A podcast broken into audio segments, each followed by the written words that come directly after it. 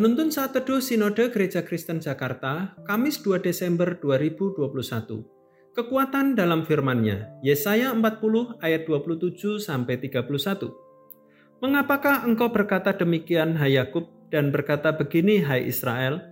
Hidupku tersembunyi dari Tuhan dan hakku tidak diperhatikan Allahku.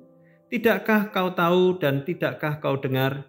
Tuhan ialah Allah kekal yang menciptakan bumi dari ujung ke ujung. Ia tidak menjadi lelah dan tidak menjadi lesu, tidak terduga pengertiannya.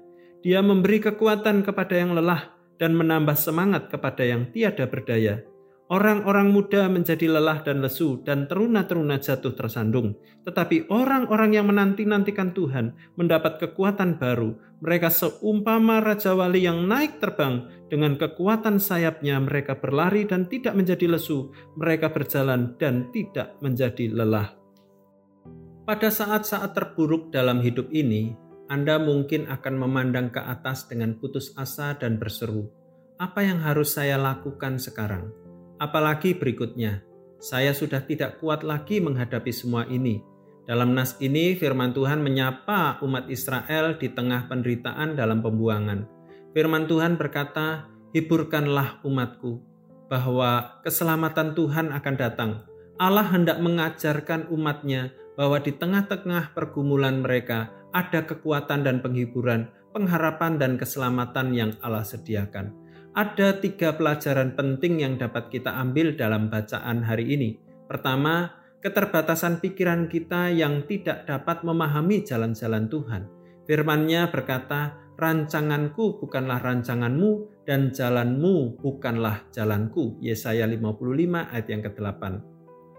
Pergumulan berat diizinkan Tuhan agar kita dapat melihatnya, membuat segala sesuatu indah pada waktunya. Terlebih dari itu, kita sedang diarahkan untuk semakin mengenal dan merasakan kemuliaannya dalam hidup kita. Kedua, kekhawatiran yang berlebihan akan membuat kita semakin kerdil dan masalah itu menjadi raksasa yang menakutkan. Jangan sampai beratnya pergumulan membuat kita lupa Allah jauh lebih besar. Ketiga, orang-orang muda menjadi lelah dan lesu dan teruna-teruna jatuh tersandung Orang muda yang dikenal dengan kekuatannya pun ada batasnya. Teruna yang dikenal dengan kelincahannya pun bisa tersandung. Jika kita hanya mengandalkan kekuatan diri sendiri, maka kita dapat lelah dan tersandung. Namun firman Tuhan berkata, "Tetapi orang-orang yang menanti-nantikan Tuhan mendapat kekuatan baru. Mereka seumpama raja wali yang naik terbang dengan kekuatan sayapnya. Mereka berlari dan tidak menjadi lesu, mereka berjalan dan tidak menjadi lelah. Pengharapan pada Tuhan tidak akan sia-sia. Ia yang memberi kekuatan, ia juga akan memberi kelepasan. Nantikan Tuhan artinya selalu berharap kepadanya. Kesudahan dari pergumulan kita adalah kebaikan yang sudah dirancangkan olehnya.